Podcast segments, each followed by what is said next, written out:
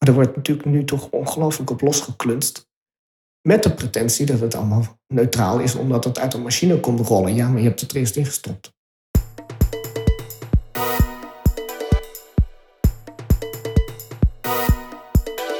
Maxime Februari is columnist bij het NRC Handelsblad, schrijver, jurist en filosoof.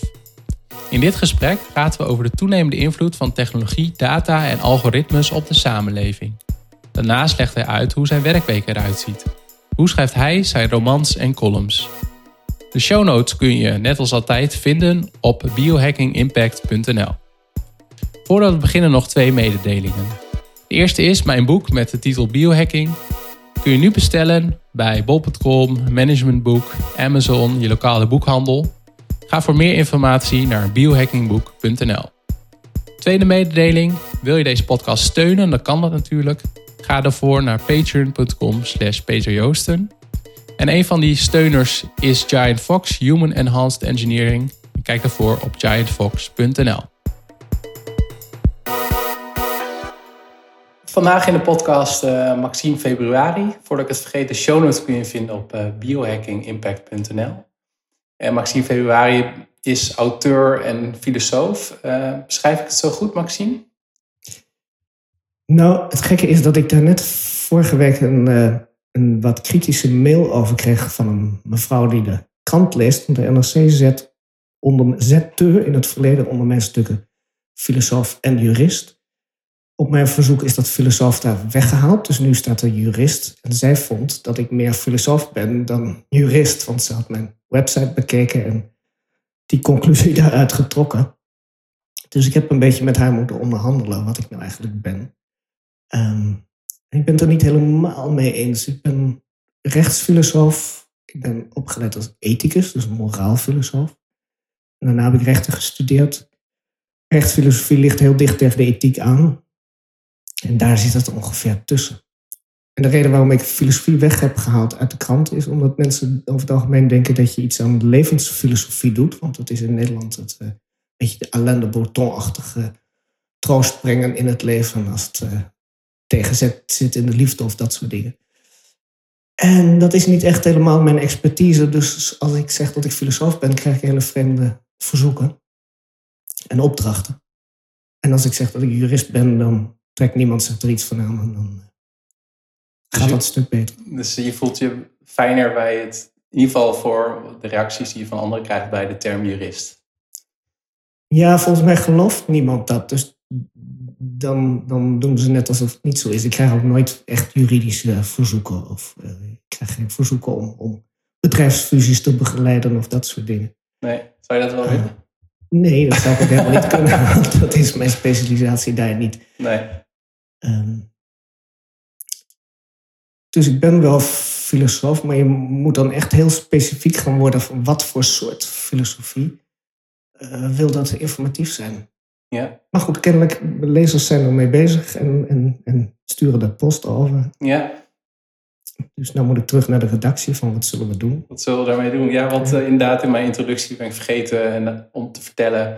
daar gaan we het zo meteen nog meer over hebben, over de columns in, de, in het NRC. Ja. Uh, en met name de thematiek waar je de laatste tijd volgens mij veel over schrijft. Maar een, een kenmerk of een kwalificatie die ik ook ben tegengekomen staat een intellectueel op pootjes. Kun je daar iets bij voorstellen? Uh, dat moet ik haast zelf gezegd hebben. Ik kan me nauwelijks voorstellen dat iemand anders zo brutaal is om dat over mij te zeggen.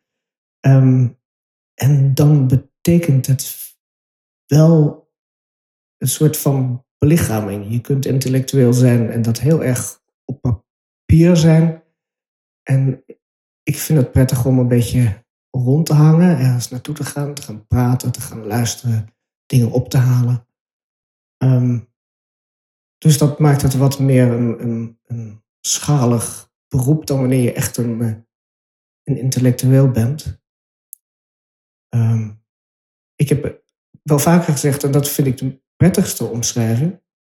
Uh, ik ben een marskramer. Ik trek van dorp naar dorp. Mensen stoppen iets in mijn mandje. In het volgende dorp halen ze dat eruit. En dan stoppen ze er weer iets anders in. Dus ik kom ook graag dingen ophalen en informatie. En ik vind ook de krantenkolom daar heel handig voor. Mensen sturen me informatie, schrijven artikelen, eh, sturen links. Lees dit eens, heb je dat al gezien? Dus iedereen stopt er ook voortdurend wat in bij mij. En dat kan ik dan vervolgens weer ergens anders uh, uithalen. En, en, als ik denk dat ze daar nuttig hebben. Ja. Dus het is een informatieknooppunt. Een informatieknooppunt, ja. ja. ja. En is er ook iets waar, uh, waar je gepassioneerd over bent of veel interesse voor hebt, maar wat mensen eigenlijk niet van je weten? Jawel, de vraag is natuurlijk altijd of je dat dan vervolgens moet vertellen. Of ja, dat, dat laat ik aan jou. Voor jezelf moet houden. Um, ik denk over het algemeen dat mensen veel te intellectuele en rationele indruk van mij hebben. Waar dat aan ligt, weet ik helemaal niet. Um, ik denk wel eens, als ik opnieuw zou kunnen kiezen, zou ik eigenlijk ook wel leuk vinden om gespecialiseerd te raken in, in, in hang-en-sluitwerk. Ik ben, betrap me er zelf op dat als ik op vakantie ben geweest, dat ik terugkom altijd met foto's van oud hangen, sluitwerk of oude stopcontacten, lichtknopjes, dat soort dingen. Dat moet iets betekenen. Um, en ik ben in het algemeen erg geïnteresseerd in um, de schoonheid van de omgeving.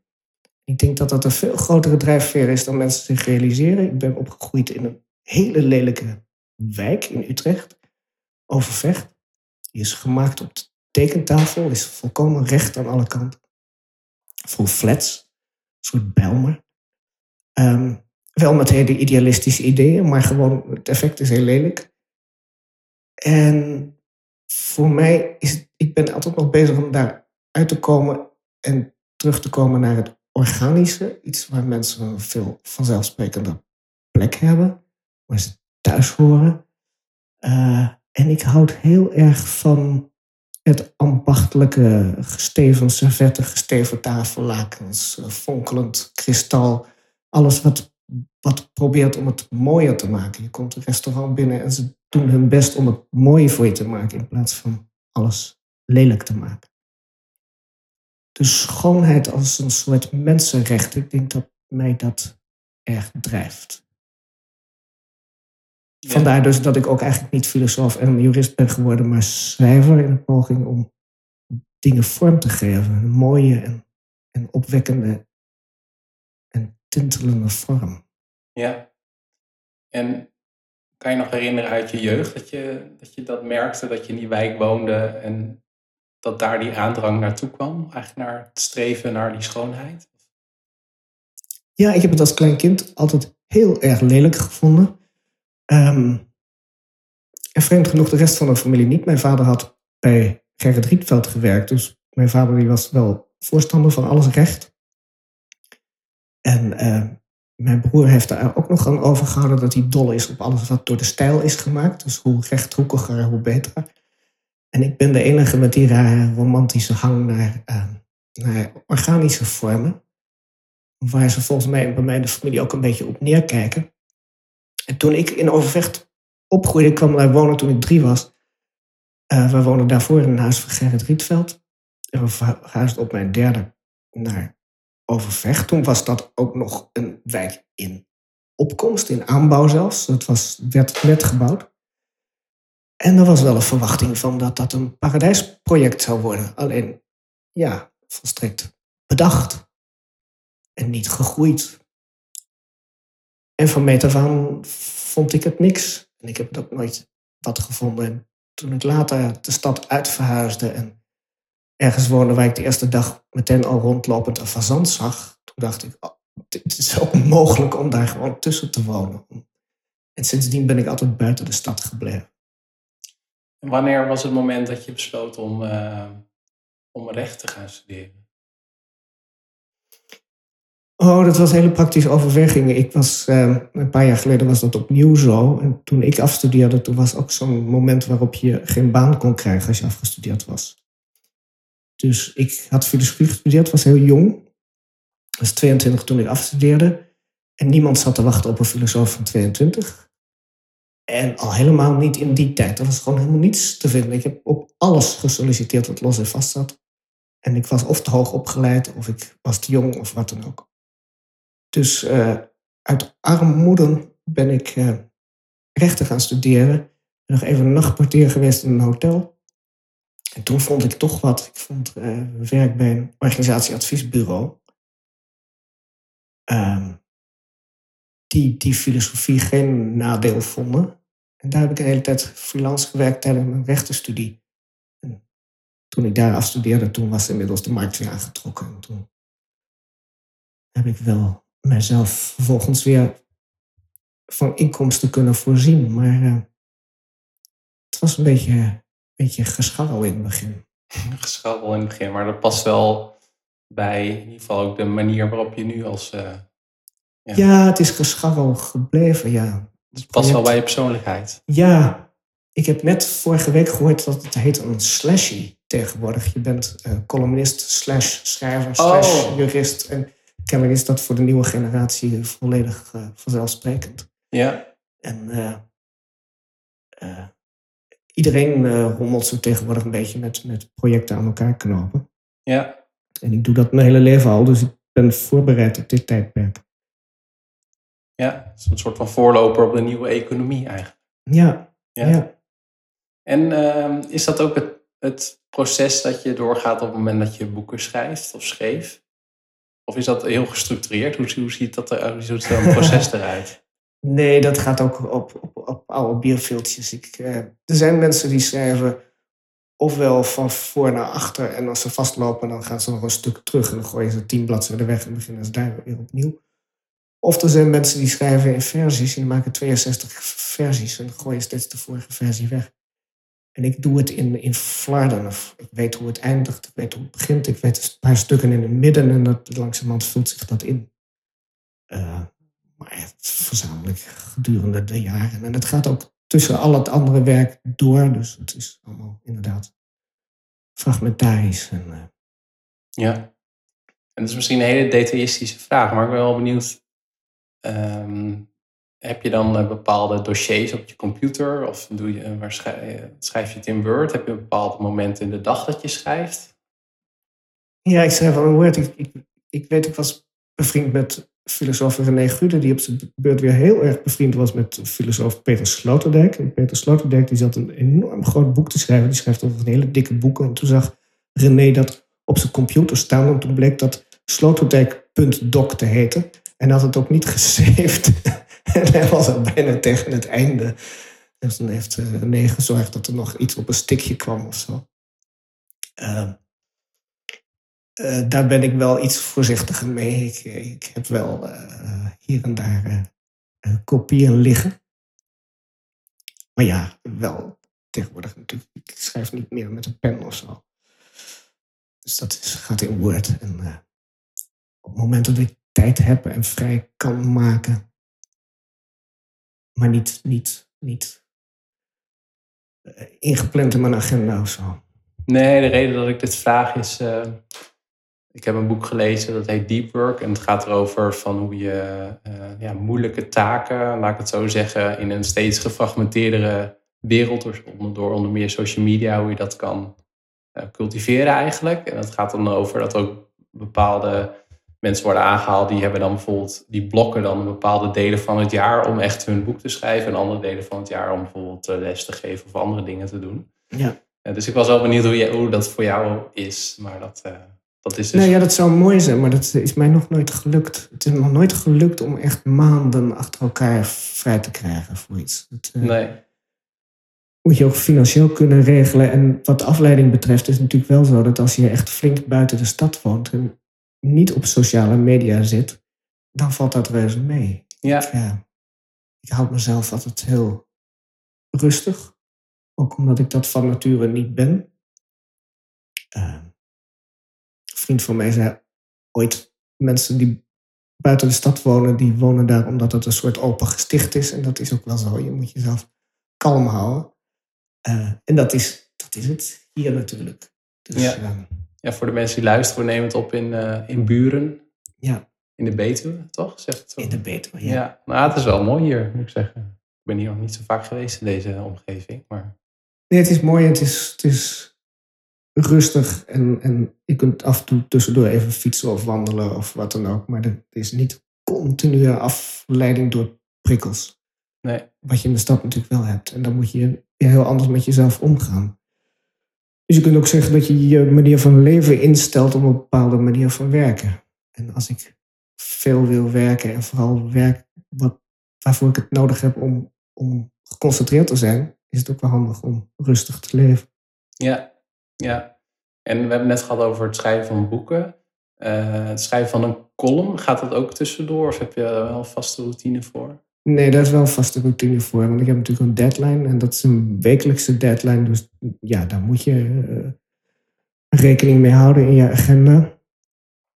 En uh, het liefste begin ik dan meteen al als de vorige de deur uit is te denken over de volgende. En dan wat informatie te verzamelen, een beetje mee te lezen. Als ik tijd heb.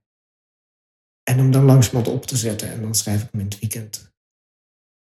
Uh, het is niet altijd zo dat er heel veel informatie achter zit. Maar ik ben zelf het gelukkigst als ik, als ik een beetje kan inlezen en er zelf ook wat van opsteek.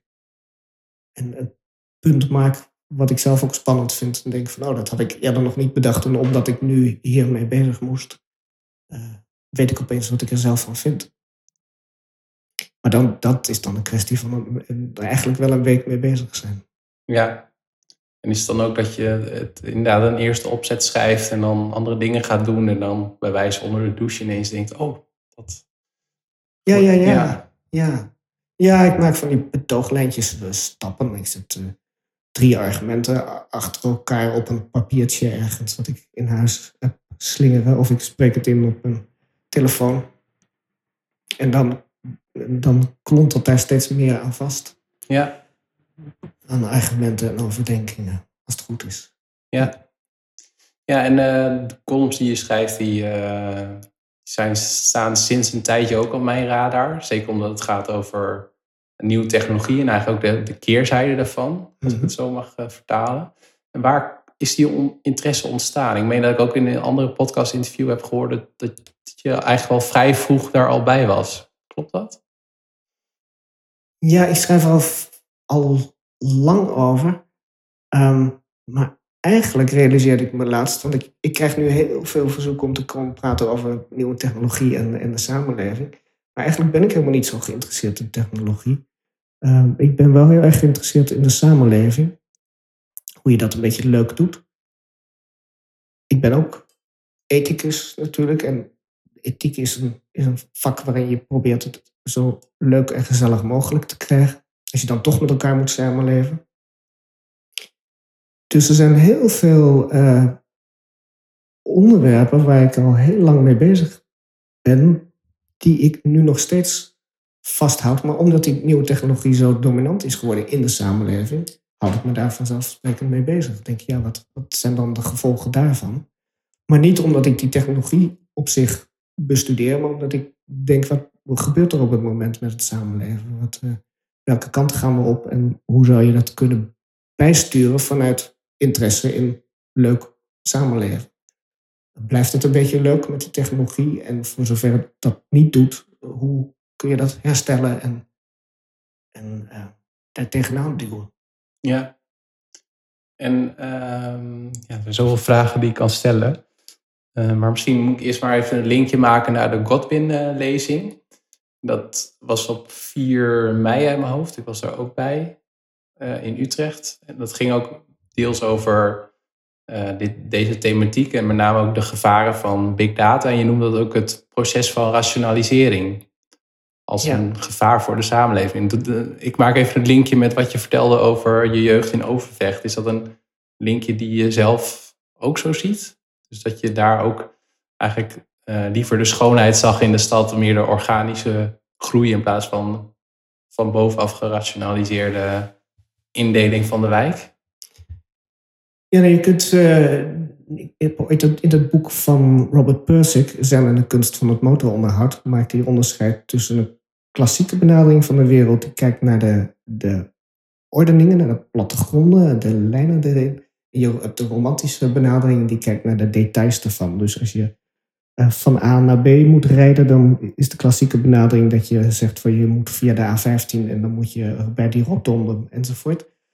En de romantische is dat je zegt, nou, er staat een grote eik en dan, daar moet je uh, linksaf en dan, dan, kijk je in de richting van de zon. Nou ja, het, het is de plattegrond versus, de aankleding van de dingen. Um, en ik denk, ben op zich best een heel rationele denker. Zo zit mijn hoofd in elkaar. Maar ik heb een enorme hang naar dat romantische. Naar uh, uh, de details, de, de, afwijkingen van, van, van normen en de afwijkingen van regels. Dus die twee met elkaar in samenhang houden, ik denk dat ik dat het spannendste vind.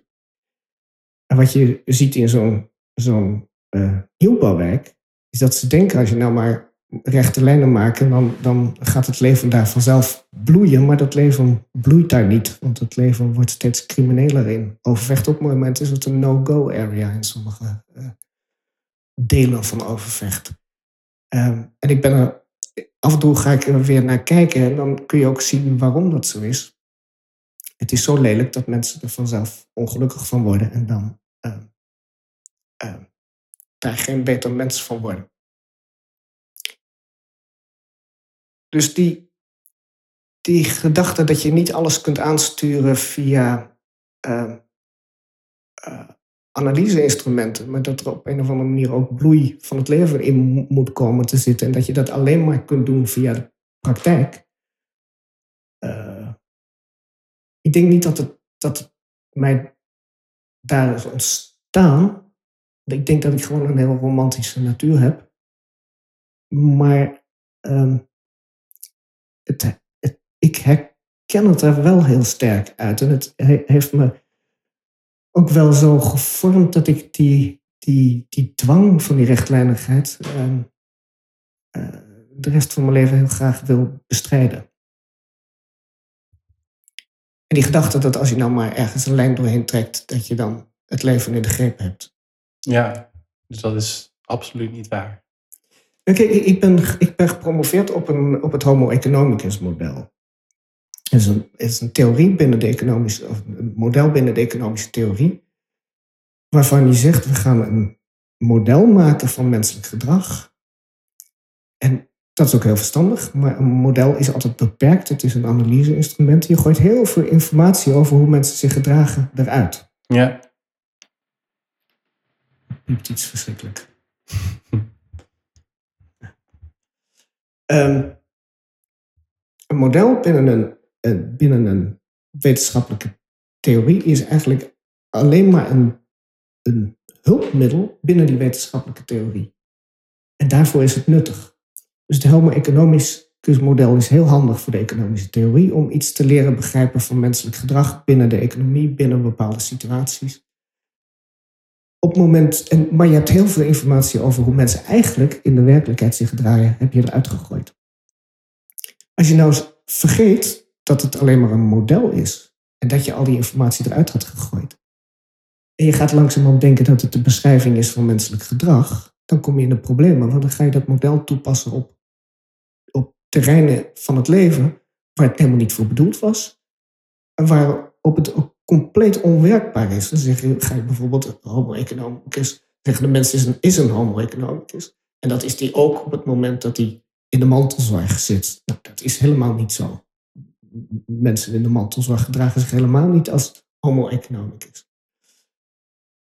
Dus het is de verstening van zo'n model en het feit dat je al die informatie eruit hebt gegooid maar dat je denkt dat je een beschrijving geeft van menselijk gedrag, terwijl je alleen maar een lijn hebt getrokken door het menselijk gedrag, er een reductie van hebt gemaakt. Ehm, dat is een verschijnsel wat, wat je ook nu in die uh, omgang met data ziet. Je, uh, je neemt wat gegevens over mensen, gooit de meeste informatie over ze weg en zegt dat je een beschrijving van ze hebt gegeven. Maar dat heb je niet. Ik ben erop gepromoveerd en het zit weer precies in diezelfde eh, belangstelling voor wat ik toen noemde in dat proefschrift de uitgesloten informatie. Je hebt allemaal informatie over mensen weggegooid. Maar wat was dat voor informatie? Kunnen we die niet terughalen? En kunnen we die niet opnieuw in de beschrijving van menselijk gedrag stoppen, zodat je een rijker beeld krijgt. Ehm, ik heb dat, het proefschrift ging voor een deel over het werk van uh, Indiaas-Amerikaanse econoom Amartya Sen. En een van mijn favoriete citaten van Sen is: uh, de, de coole, rationele types mogen dan onze handboeken bevolken. De wereld is rijker. Hm. En de coolly rational types. En nou, Sen is zelf eigenlijk best een coolly rational type. Maar hij is toch heel erg geïnteresseerd in al die, al die buitengesloten informatie. Ging op een gegeven moment in India kindertjes op de weegschaal zetten om te kijken hoe zwaar ze waren. En toen zeiden mensen, wat doe je nou? En toen zeiden jij, ik doe economie. Ehm, omdat het gewicht van kinderen in de verschillende deelstaten van India, hoe dat tot, tot, tot elkaar verhoudt, ook informatie is die je in de economische theorie wilt hebben. Haal zoveel mogelijk informatie op, stop dat allemaal in je theorieën en modellen en gooi niet te veel informatie weg. Dus doe niet alleen de klassieke benadering van een paar grote lijnen door de wereld en zegt van nu hebben we een plattegrond en nu hebben we een beschrijving. Nee, haal al die informatie over die bomen en die kindertjes en de vogels en weet ik veel wat allemaal op en stop die ook allemaal in je theorie.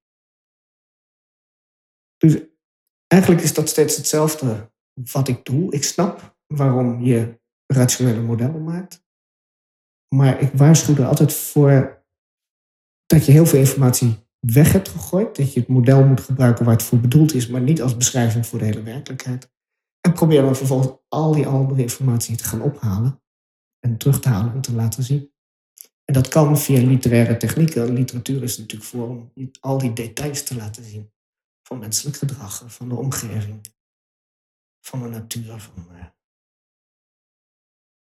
als, als aanvulling op analysemodellen. Dus eigenlijk doe ik voortdurend hetzelfde. En nu, nu kan ik dat gewoon toepassen op, op dataficering. Want dat doet precies datzelfde weer. Het haalt een paar kliks van je naar boven en zegt: Nu weten we alles van je. Opeens begon iedereen te zeggen: Google weet meer van je dan je partner. Dat is natuurlijk onzin. Dat is echt onzin. Hmm, ja. In bepaalde situaties is zo'n analyse-instrumentje heel handig, want dan weet het iets over je consumentengedrag of wat dan ook. Maar dat is een heel klein omschreven gebiedje. Maar Google weet heel veel dingen niet van je. En al die uitgesloten informatie weet een partner ook niet allemaal van je, maar die weet weer heel andere dingen. Dus uh, wij, wij, wij, hebben heel gouden neiging om dit soort analyse-instrumenten, modelletjes uh, uh, te gaan verheerlijken en te zeggen, nu hebben wij greep op het hele bestaan. Het beschrijft de hele werkelijkheid. Nee, dat doet het niet. Ja, ik merk het ook bij mezelf. Of je, ik merk het zeg maar in mijn persoonlijke leven, maar ook gemeenten en overheden en bedrijven. En het is wel een steeds sterkere uh, nadruk op dat denken wat je, wat je beschrijft. Ja. Um, en um, hoe zou ik het nou zeggen? Merk je ook nu je daar lezingen over eh, geeft, columns over schrijft en een boek over hebt geschreven, ook over dat thema, dat, dat je daar ook wat meer respons op krijgt? Van, ja, hoe, zou ik het noemen, hoe noem je het zelf? Een waarschuwing of een, uh, iets waar mensen op moeten blijven letten? Hoe kijk je daar zelf naar? Ja, het is een kwestie van, van meedenken. Ik merk dat mensen het individueel allemaal heel sterk herkennen als iets wat ze kwijtraken. Um,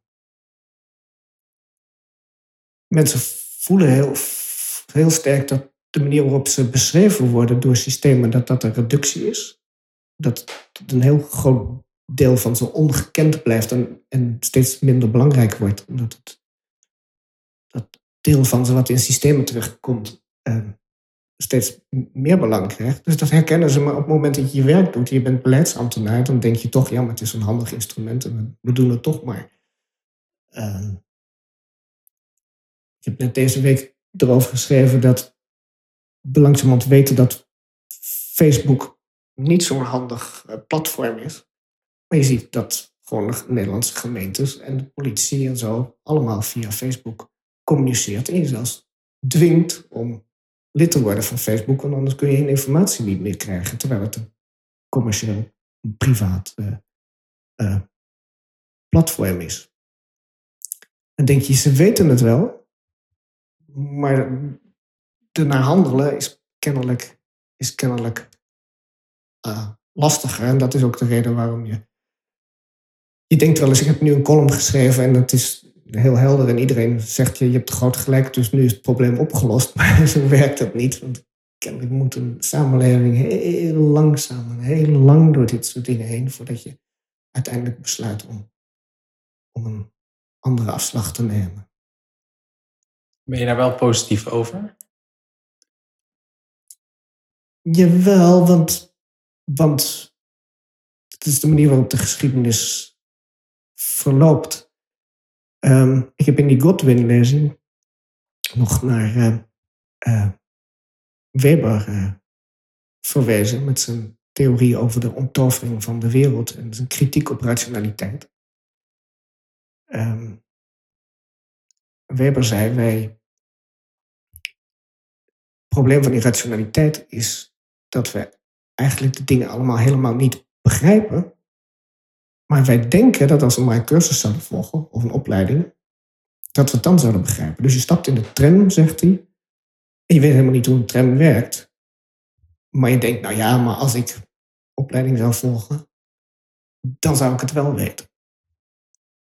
Dus het is voortdurend vertrouwen op iets, op dingen die je helemaal niet weet, die je niet in de greep hebt, uh, waarvan je ook niet weet wat voor effect ze zullen hebben. Nu met nieuwe technologie ook. Mensen hebben daar natuurlijk helemaal geen verstand van. Er gebeurt zoveel, het gaat zo razendsnel. En je probeert dat als een soort experiment. Je hebt geen flauw idee wat de effecten zullen zijn.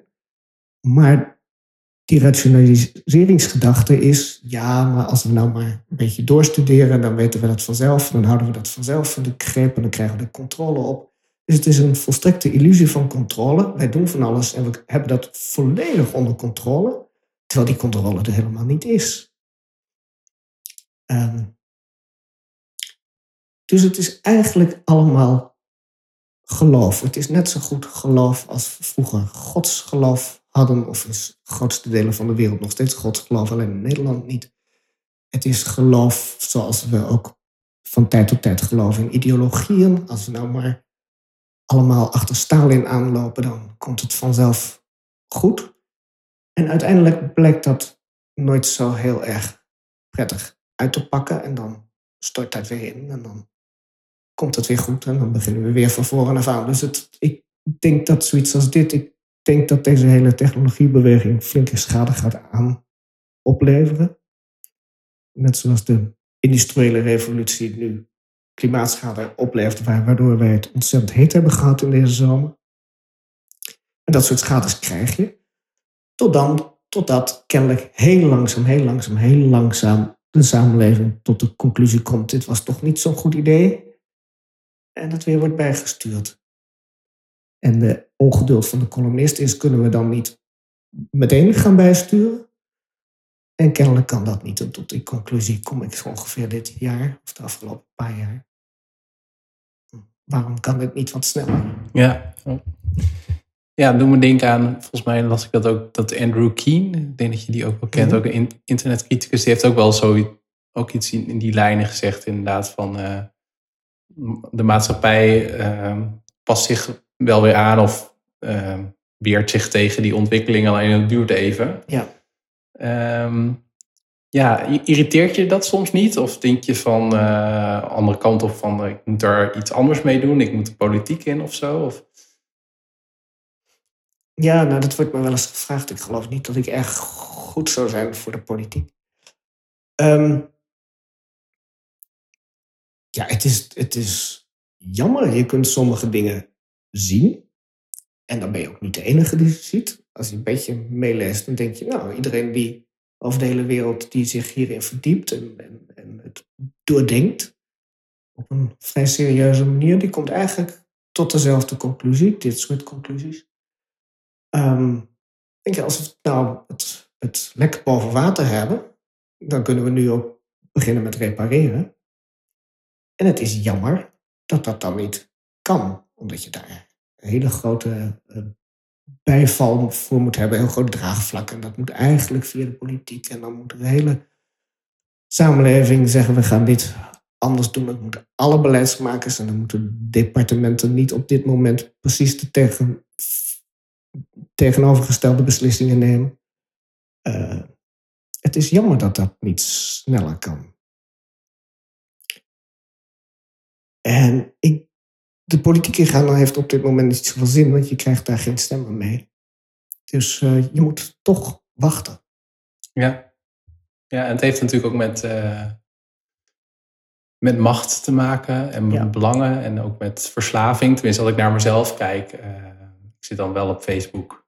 En ik heb ook een even over, even, ik heb overwogen om ermee te stoppen, maar ik heb het toch weer niet gedaan. En dan, ja, dat.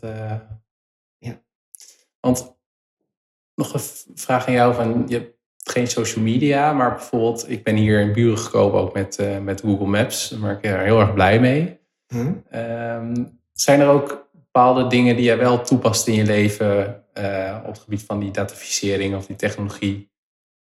waarvan je A zegt van hé, hey, daar ben ik heel blij mee. Of B, dat je zegt van ik gebruik het, maar ik weet dat dat tegen een prijs komt. Nou ja, ik ben niet zo goed ingevoerd dat ik precies weet wat er allemaal. Ik, ik zet zoveel mogelijk uit van de dingen die ik uit kan zetten.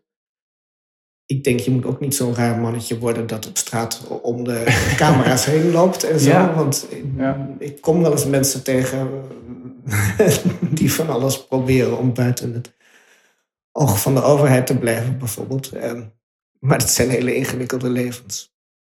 Dus je moet wel bewust ook dingen doen waarvan je denkt, nou, ik vind het niet verstandig, maar dan moet ik maar wachten tot de, rest van de mensheid mij helpt. Ehm, en een enkele keer zet ik iets aan locatievoorzieningen, omdat ik volkomen verdwaald ben in de stad. En denk, nou, doe maar. Ik denk, nou er zitten zulke grote gaten in de, in de kennis die. die maar ik, ik, nee, ik, ik maak me geen enkele illusie. Ik rijd met een auto rond en er staat een kenteken op. Dus um, ja. ik word compleet gevolgd aan alle kanten. Ja, dat vind ik ook wel een interessant uh, gegeven. Dus dat je inderdaad voor jezelf wel het besluit kan nemen van nou, ik maak daar zo min mogelijk gebruik van. van of dat nou technologie op de smartphone is of in je huis, hè, de, de smart home of wat, whatever. Maar dat uh, ja, met alle sensoren in de openbare ruimte, dat je er eigenlijk niet aan kan, uh, kan ontsnappen. En het oprukken van gezichtsherkenning. Het, uh, het, het, dat zijn toch wel angstaanjagende. Ik had het net even over Stalin, maar er zijn, ik, ik las over het Meertje. Vroeger woonde ik daar vlakbij in de buurt. Het is ergens in de buurt van de Utrechtse Heuvelrug waar ik vroeger woonde. Het Meertje, daar kwam ik toen ik veel jonger was. En daar, ging je s'avonds dan even heen en dan kon je zwemmen. En, en er was ook vrijwel niemand, maar dat is steeds drukker geworden. Het is vervolgens geprivatiseerd, want het is een van de andere grote ontwikkelingen van de 21ste eeuw. Privatisering van echt alles. We gooien de hele publieke ruimte eruit. We, we verkopen alles. Dus ook dat is geprivatiseerd. Er zijn hekken omheen gekomen. En nu staat er een wagentje. Ik weet niet precies hoe het vandaag is, maar het is afgelopen maanden is dat, uh, is dat op gang gekomen. Wagentje dat doet aan gezichtsherkenning en dat schrijft dan meteen 2,95 uh, van je bankrekening af, geloof ik. Ik weet niet precies hoe het werkt. En er zijn toch heel veel mensen die dat te ver vinden gaan. Gezichtsherkenning bij zo'n recreatieplas. Je gaat even s'avonds zwemmen en je gezicht wordt gescand. Um, er zijn ook heel veel mensen die dat prima gedachten vinden. En daar begint het toch wel wat uh, dystopisch te worden, vind ik. Vooral als je zo'n meertje kent. Weet je, zo, midden in zo'n bos. En dat er opeens je gezicht wordt gescand. Maar als je bedenkt wat de nadelen zijn van, van gezichtsherkenning op het gebied van. Uh, uh, de overheid past het ook steeds meer toe. Maar iedereen die ook maar iets afwijkends in zijn gezicht heeft, die. Uh, die die kan daar gemakkelijk schade van ondervinden. Het, dat, dat zijn wel angstaanjagende technieken. Ja, ja, maar dan gaat het en dan gaat het inderdaad ook over de, uh, ja, uiteindelijk toepassing daarvan. Uh, tenminste, dat is, tenminste wat, wat ik me ook kan herinneren uit het boek van uh, Yuval Noah Harari, Homo Deus, ook over mhm. datificering, dat het ook inderdaad uh, de overheid in staat kan stellen. En nu, nu denken van nou, de overheid in Nederland is prima, laten we dat even zo zeggen.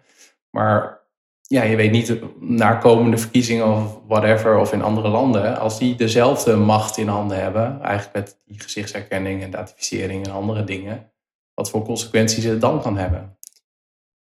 Nee, dat is één punt, maar je kunt ook nog een stap terugzetten en zeggen van zelfs met een regime dat volkomen welwillend is, zoals dat van ons, is er met profilering, en gezichtsherkenning is profilering, ehm, zitten er al nadelen aan. Er zitten namelijk vooroordelen in de data.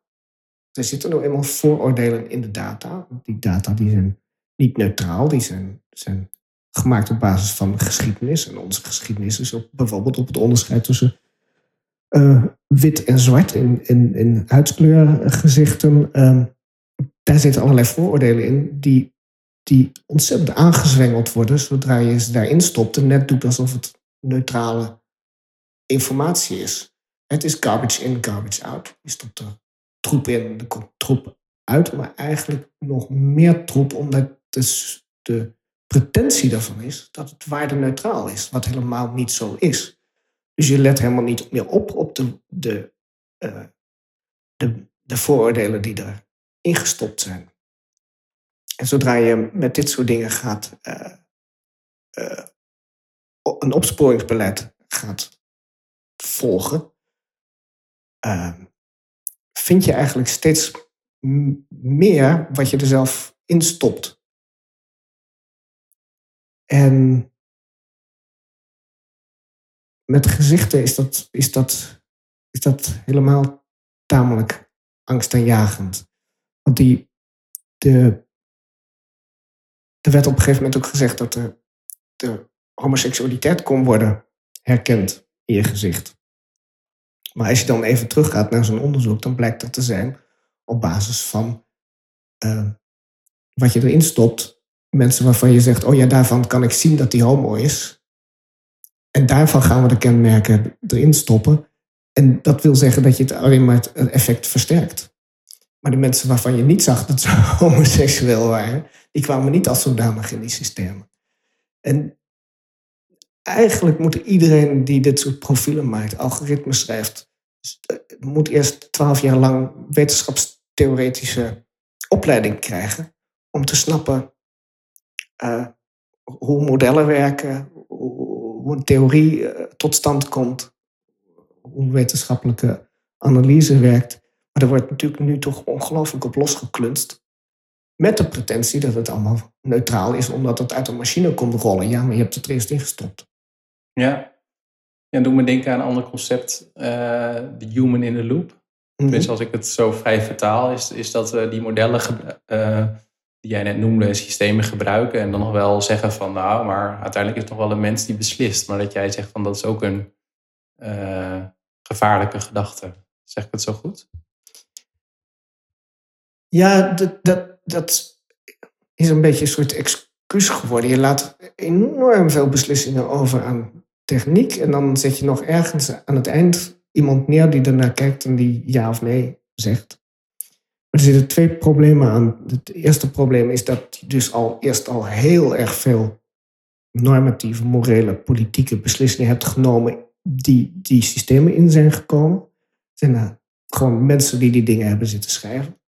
Dus al die vooroordelen, die, die onzin die wij nu eenmaal met ons meedragen, die, die zijn daar ingezet. Dus er komen hele uh, moreel geladen en, en uh, vervormde beslissingen uitrollen. En dan zet je één iemand daar neer.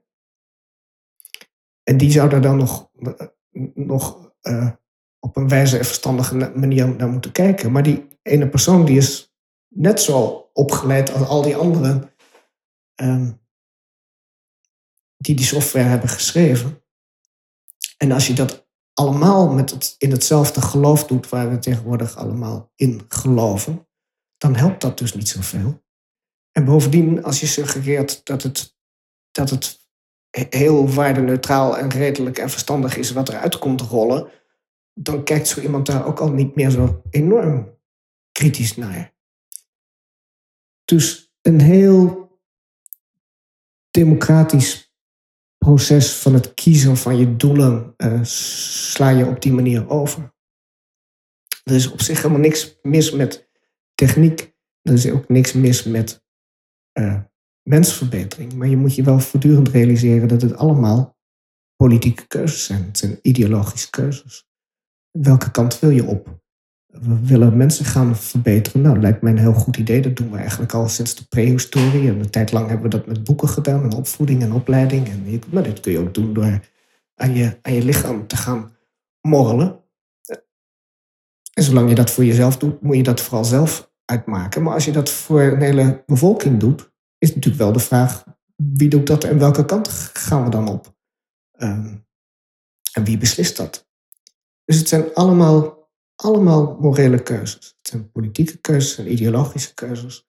En het geloof wat nu heerst, is dat we die er allemaal uit kunnen halen en dat het op een of andere manier rationeel vanzelf waardeneutraal kan, maar dat kan niet. Ja, ja. Nee, dat is wel inderdaad de, illusie die, omdat technologie of data lijkt inderdaad heel objectief en rationeel en weggestopt. Maar het is inderdaad het, uh, degene die die data erin of die data zelf heeft al bepaalde vooroordelen. En dan is ook degene die de algoritmes maakt of die systemen maakt of de indeling in categorieën in zo'n database maakt. Die, hij of zij die dat allemaal natuurlijk ook vanuit zichzelf meeneemt. Ja. Data zijn alleen maar resultaten van beslissingen van mensen die besloten hebben dat dit een relevant gegeven is. En uh, ik krijg af en toe dingen toegestuurd van mensen met kinderen op school. En die, die kinddossiers en die kijken wat, daar, wat er aan data verzameld wordt over kinderen. En een iemand vertelde mij dat bleek dat als een kind een paracetamol nodig heeft om een of andere reden, vanwege pijn, dan wordt dat genoteerd. En de vraag is, waarom noteer je dat? En als wat noteer je dat? En al die andere dingen, die noteer je niet. Als een kind bijvoorbeeld zegt, ik wil een appel, dan denk je misschien, nou, dat is vrij normaal gedrag, dat schrijven we dan maar niet op. Maar dat wil zeggen dat je het een wel opschrijft en het ander niet opschrijft. Krijg je natuurlijk hele schreven. Dat zijn geen, geen neutrale data. Um, uit een, uit een, een, journalistiek artikel haalde ik eens een keer dat, dat het werd als gedragsincident opgevoerd als een kind een petje ophoudt in de klas. Maar dan moet iemand besluiten dat het ophouden van een petje in de klas een gedragsincident is.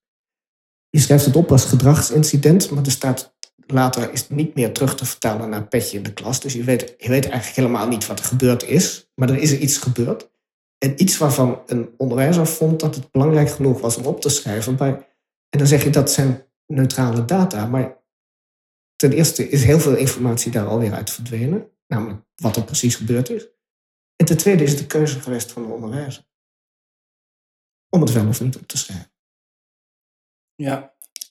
En die suggestie dat wij big data hebben en dat dat een, een wonderlijke pot is vol volstrekt objectieve gegevens waar wij conclusies uit kunnen trekken, dit is echt gewoon absolute flauwekul. Het is één grote pot met keuzes van mensen om dingen op te schrijven over de werkelijkheid. Maar al die informatie erbuiten laten, dan kom je bij de buitengesloten informatie. Er zijn enorm veel details die er niet in zitten. En de oplossing is dan, tenminste dat heb ik ook in een ander stuk uh, gelezen. Volgens mij ook, kwam het ook naar voren in uh, het boek wat ik van je, denk het laatste boek dat je hebt geschreven, Klont heb ik gelezen. Mm -hmm. ik vond het grappig, uh, meneer, hoe heet die meneer? Alexi Kroeps. Mm De, voelde ik me af en toe een beetje aangesproken. het is een zelfportret. ja, oh, over, die is best wel positief over technologie. En nou, ik zal niet de, de hele de crux geven, maar um, ik kwam tegen in ieder geval ook in, in interviews met jou, naar aanleiding van het boek, dat je ook zegt van nou, het laatste, of het laatste redmiddel, het redmiddel zijn eigenlijk hè, de schoonheid en de roman tegen deze ontwikkeling. Zie je dat nog steeds zo? Nou ja, dat is, dat is het uitgangspunt dat wat het redmiddel is, realiseer je dat er heel veel informatie buitengesloten wordt. Ga die ophalen. En waar kun je die ophalen? In romans. Een roman, als het goed is, beschrijft heel veel details over het menselijk leven. En beschrijft het menselijk leven niet vanuit het idee van, nou, het is, ik heb er een rationele lijn doorheen getrokken en zo is het patroon ongeveer. Nee, er zitten heel veel uh, details van mensen in waarvan je denkt van, hé, hey, die kan ik helemaal niet rijmen met, met wat hij net heeft gedaan. Het is complete ongrijpbaarheid van het menselijk bestaan en van de werkelijkheid. Kun je terugvinden in een goede roman. Uh, Plus, als het een goede roman is, dat er heel veel onzin en flauwekul in zit, waarvan je helemaal niet weet wat nou precies de verhouding daarvan is ten opzichte van de rest. Dat is veel ongrijpbaarder. Ik erger mij woest. Iedere zomer aan politici wordt gevraagd: wat voor boeken ga je meenemen naar het strand of in je koffer? Politici zonder uitzondering zeggen altijd: ja, romans lees ik natuurlijk niet, want ik moet een boek lezen over de parlementaire geschiedenis of iets sociologisch of wat dan ook. Terwijl, ja, die grote lijnen die je door het bestaan kunt trekken, dat weten we allemaal wel, dat je dat kunt.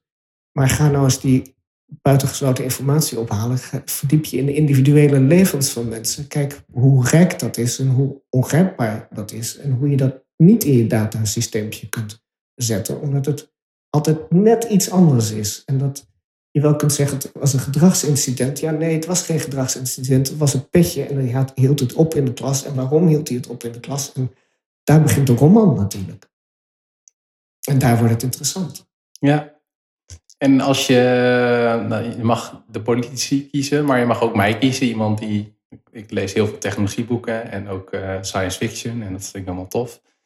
Maar als je mij een tip zou geven van, nou, lees nou één, twee of die drie romans om echt de menselijke natuur te doorgronden, wat zou jij dan zeggen? ja, dit is zo'n punt waarop ik ongelooflijk reclame moet gaan maken voor mijn eigen laatste roman. Um, nou ja, kijk, dit punt, ik heb wel geprobeerd in die roman Klont dit punt te, te problematiseren. Uh, die roman, het, het feit dat die langzamerhand uit het zicht begint te raken, wil zeggen dat langzamerhand het individuele leven uit zicht begint te raken, omdat we alles aan het uh, abstraheren zijn en er uh, sociologische profielen van maken. Dus dan raak je individuele mens kwijt. En als je de individu kwijtraakt, raak je de roman kwijt. En, en andersom, als je de roman kwijtraakt, raak je het individu kwijt. Dus dat is daar geproblematiseerd in een roman die die probeert die roman dan weer aan de haren uit het moeras omhoog te trekken. Uh, wil je uh, de wereld in alle rijkdom zien, lees dan De Menselijke Smet van Philip Roth. Uh, in het Engels The Human Stain. Die het echt voor elkaar krijgt om, om de wereld in, in alle details te combineren met politieke analyse. En uh, ik denk dat dat ideaal, ideaal boek zou zijn voor, voor uh, liefhebbers van uh, technologie, maar ook voor politici die pretenderen dat ze iets willen leren op het strand. maar goede romans reflecteren hier feiten allemaal op. Op, het, op, op wat is de positie van de eenling ten opzichte van de gemeenschap. Het individuele ten opzichte van het sociologische. Het, het, het eenzame ten opzichte van het profiel. Uh, dat is precies wat een, wat een roman doet. Uh, plus, als je geluk hebt, zit er iets van schoonheid in en, en en gesteven servetten, wat je niet krijgt in, uh, in, in sociologische analyses. naast, naast de kunsten en de roman, uh, we hebben het al gehad over een mogelijke tegenkracht, waar jij ook veel over schrijft in de columns. Is, is, is dat uiteindelijk, om daar nog even op terug te komen, de, we hoeven het niet van de bedrijven zelf te verwachten of van de politiek zelf op, korte termijn. Maar het is echt een maatschappelijk, maatschappelijk helemaal doorwerken om, uh, om, dat, om, om, die tegenkracht als het ware uh, te ontwikkelen. Ja, er is nu net een aantal uh, juridische organisaties, mensenrechten, advocaten en nog wat daarbij aangesloten. Langzamerhand steeds groter wordende groep organisaties heeft een proces aangespannen tegen de Staten Nederlanden op grond van de inzet van het programma SIRI. En SIRI is afkorting van systeemrisico-indicatie, waarbij wordt gekeken naar mensen die bijvoorbeeld bijstand ontvangen of zij vallen in de categorie van mensen die waarschijnlijk fraude gaan plegen. Dus in feite laat je de profilering op los je denkt, nou, dit is nou typisch iemand die gaat bijstandfraude plegen. En die juristenorganisaties die zeggen dat is een veel te ongrijpbaar systeem wat je daar hebt opgebouwd, overheid. Want wij weten helemaal, je kunt niet achterhalen wat voor data daarin gaan, wie die gemaakt heeft. Uh, er wordt, het systeem doet dan vervolgens een melding, maar degene over wie die melding wordt gedaan, die weet dat niet. Dus op een gegeven moment gaan ze, de overheid, de gemeente of, of, maatschappelijke organisaties, gaan strenger naar je kijken, maar je weet dat niet. Um, het is eigenlijk ook niet duidelijk op, basis waarvan, hoe die profielen in elkaar zitten. Nou, dit is een vorm van, van rechtsdenken wat heel onverstandig is, waarbij alles niet transparant is. Um, dus dit is ook een manier natuurlijk om, om tegen dit soort van denken te gaan aanduwen. Namelijk via de rechter. Zeggen, de rechter is een verstandige stem in onze maatschappij. Uh, laat die er maar eens naar kijken. En in zo'n geval als dit heb je een grote kans dat het volgens de verliezende partij in beroep gaat en dat dat echt bij, bij de Hoge Raad komt en misschien zelfs bij nog weer hogere rechtspraak in, eh, in Europa. Uh, omdat het natuurlijk niet alleen om dat Syrië gaat, maar om die hele systematiek van kijken naar individuele burgers via profielen en, en algoritmes die, waarvan we eigenlijk helemaal niet precies weten hoe die in elkaar zitten. En hoe verstandig het is om dat te doen. Dus ik merk dat iedereen met wie ik het daarover heb in Nederland, ook de, de, de serieuze juristen, het eigenlijk allemaal heel fijn vinden dat die rechtszaak speelt. Omdat ze zeggen, ja, laat die rechter daar maar eens uh, naar kijken. Want het is toch allemaal nieuw, experimenterende manier van, van omgaan met je burgers. En uh, het is er wel heel erg nonchalant ingefietst. En misschien net iets te vroeg. Waarbij parlementariërs ook niet helemaal hebben opgelet of dit wel handig is. En de ongerustheid hierover, of dit wel tot prettige resultaten leidt, wordt natuurlijk nu op het moment opeens groter. Dus nu zegt iedereen ja, we moeten daar toch opnieuw weer eens even over nadenken. Ja, doe me ook denken aan, uh, ik weet niet hoe die zaak heet, Oeganda volgens mij, met uh, ook de klimaat. Uh, ja is eigenlijk een beetje dezelfde. Eh, op het moment dat het voor de rechter komt, uh, ja. ja. wordt alle informatie ook uh, beoordeeld door die rechter. En dan heb je minder dat debat wat je ook in de media hebt. Ja. ja. En we naderen een beetje het einde van het interview. Mijn podcast gaat over biohacking, mensverbetering, de toekomst van de mens. Ben jij positief over de toekomst? ik kan me die toekomst heel erg weinig goed voorstellen. Echt helemaal niet. Ehm, maar zoals ik al eerder zei, het, gaat altijd met ups en downs. En, en, ik ben eigenlijk van nature wel een, een optimistisch mens. Alleen mijn devies van de laatste tijd is: het komt goed, alleen het komt nooit vanzelf goed. Uh, je kunt op stoel gaan zitten en denken, nou, het komt toch wel goed. Nee, zo werkt het niet. het komt wel goed, maar dan moet je natuurlijk wel iets aan doen. Want al die mensen die slechte bedoelingen hebben, die zijn ook wakker. Die uh, lopen ook rond. Dus als je denkt, we willen het toch wel een beetje menslievend houden en we willen een beetje uh, naar de mensenrechtenkant kijken, dan zul je daar iets aan moeten doen. Maar uiteindelijk, um, zoals Henriette Holland-Holst zei, winnen de zachte krachten toch altijd wel weer. Omdat iedereen natuurlijk prettig met elkaar wil samenleven. En een deel van wat er nu misgaat, gaat ook niet uit kwaadwillendheid mis, maar gaat mis omdat mensen hip en cool willen zijn en denken: oh, het is het nieuwste van het nieuwste, laten we dat maar gewoon de samenleving in pleuren, dan uh, komt het vast wel goed. Doe mij denken aan, uh, dat heb ik laatst gelezen in het boek uh, Life 3.0 van Max Tegmark. En die, gaat over kunstmatige intelligentie. En uh, verder wel een heel goed boek hoor, trouwens. ik zeg dat omdat, omdat het over kunstmatige intelligentie gaat. maar op het einde um, noemt hij de term bedachtzaam optimisme. En dan moet me, doet, me, doet me dit aan denken. Van, het is niet inderdaad een optimisme van achterover hangen en uh, hoeven niks te doen. Maar als we er hard voor werken en we weten, dan, dan komt het ook wel goed. Dan kan het wel goed komen, laat ik het zo zeggen. Ja. ja. Maxime, is er iets wat je, waarvan je denkt van nou, dat wil ik toch nog benoemd hebben? Dat hebben we nog wel gemist in dit gesprek.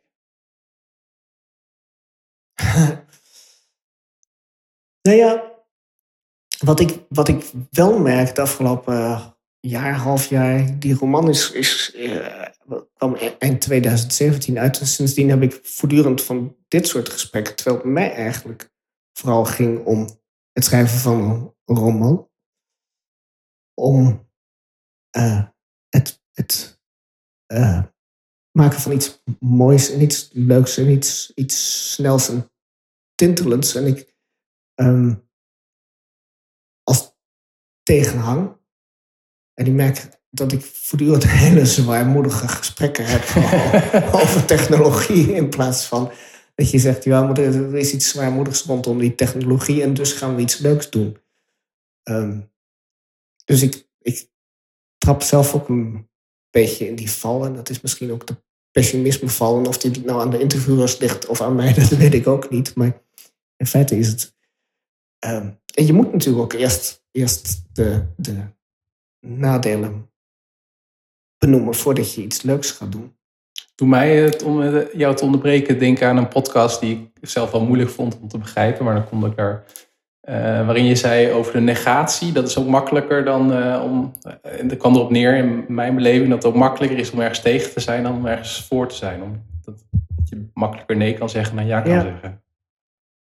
Nou ja, dat is een, het nadeel van mijn, van mijn vak met die columnistiek. Een columnist werd eigenlijk ergens neergezet om, om, om overal tegen te zijn. Te zeggen wat er misgaat. En ja. uh, om kritisch te zijn. En kritisch zijn en er tegelijkertijd vrolijk bij blijven en optimistisch zijn, is best een lastige opdracht. En ik vind dat in een roman veel makkelijker dan in, uh, in columnistiek. Ja. Wat vond je van het gesprek, Maxime? ik, de, laatste tijd, als je ergens een lezing geeft en je stapt van het podium af, dan staat er altijd iemand in de coulissen en die zegt: Hoe vond je het zelf? Oh, ja. dat vind ik ook een heel erg uh, intimiderende vraag. Dat vind ik, vind ik deze ook een beetje. Maar... Mag ook na afloop als, uh, of niet, of de, als de audio recorder is gestopt. Nou ja, je kijkt er steeds heel erg vrolijk bij. Dus uh, vond ik het wat dat betreft een heel leuk gesprek. Maar nadeel is dat niemand het kan zien. Ja, nee, dat is ook zo. En je hebt het in het begin al even gezegd. En normaal als ik gasten interview, dan hebben die al een hele rij aan uh, social media links. Mm maar waar ben jij te vinden op internet? Ik heb wel een website en dat is een, een, iets wat je natuurlijk zelf onder eigen beheer hebt. En er hangen geen commerciële belangen aan. En ik heb daar ook niet zo dat ik daar mijn boeken aan het verkopen ben. Bijvoorbeeld dat als je erop klikt dat je meteen geacht wordt uh, bij Amazon iets aan te schaffen. Dat is een vrij commercievrije plek op het internet. En verder niet geloof ik. Geen Twitter, geen LinkedIn, geen Facebook. Nee. Instagram, Snapchat, YouTube. Onvindbaar. Ja. Onvindbaar. Ja. Maar is goed, ik zal in ieder geval een link naar jouw website eh, bij de show notes in het artikel zetten. ja. En, eh, heel erg, en natuurlijk een link naar, eh, naar het boek. Dan kom je wel op bol.com of Amazon terecht. Maar, in ieder geval bedankt voor je tijd in dit gesprek. Ja. Ja, bedankt voor de komst naar Buren. Bedankt voor het luisteren naar deze podcast. In ons gesprek zegt Maxime Februari op een gegeven moment: De details kleuren uiteindelijk het leven. En mijn vraag aan jou voor deze week is: welke details kleuren jouw leven?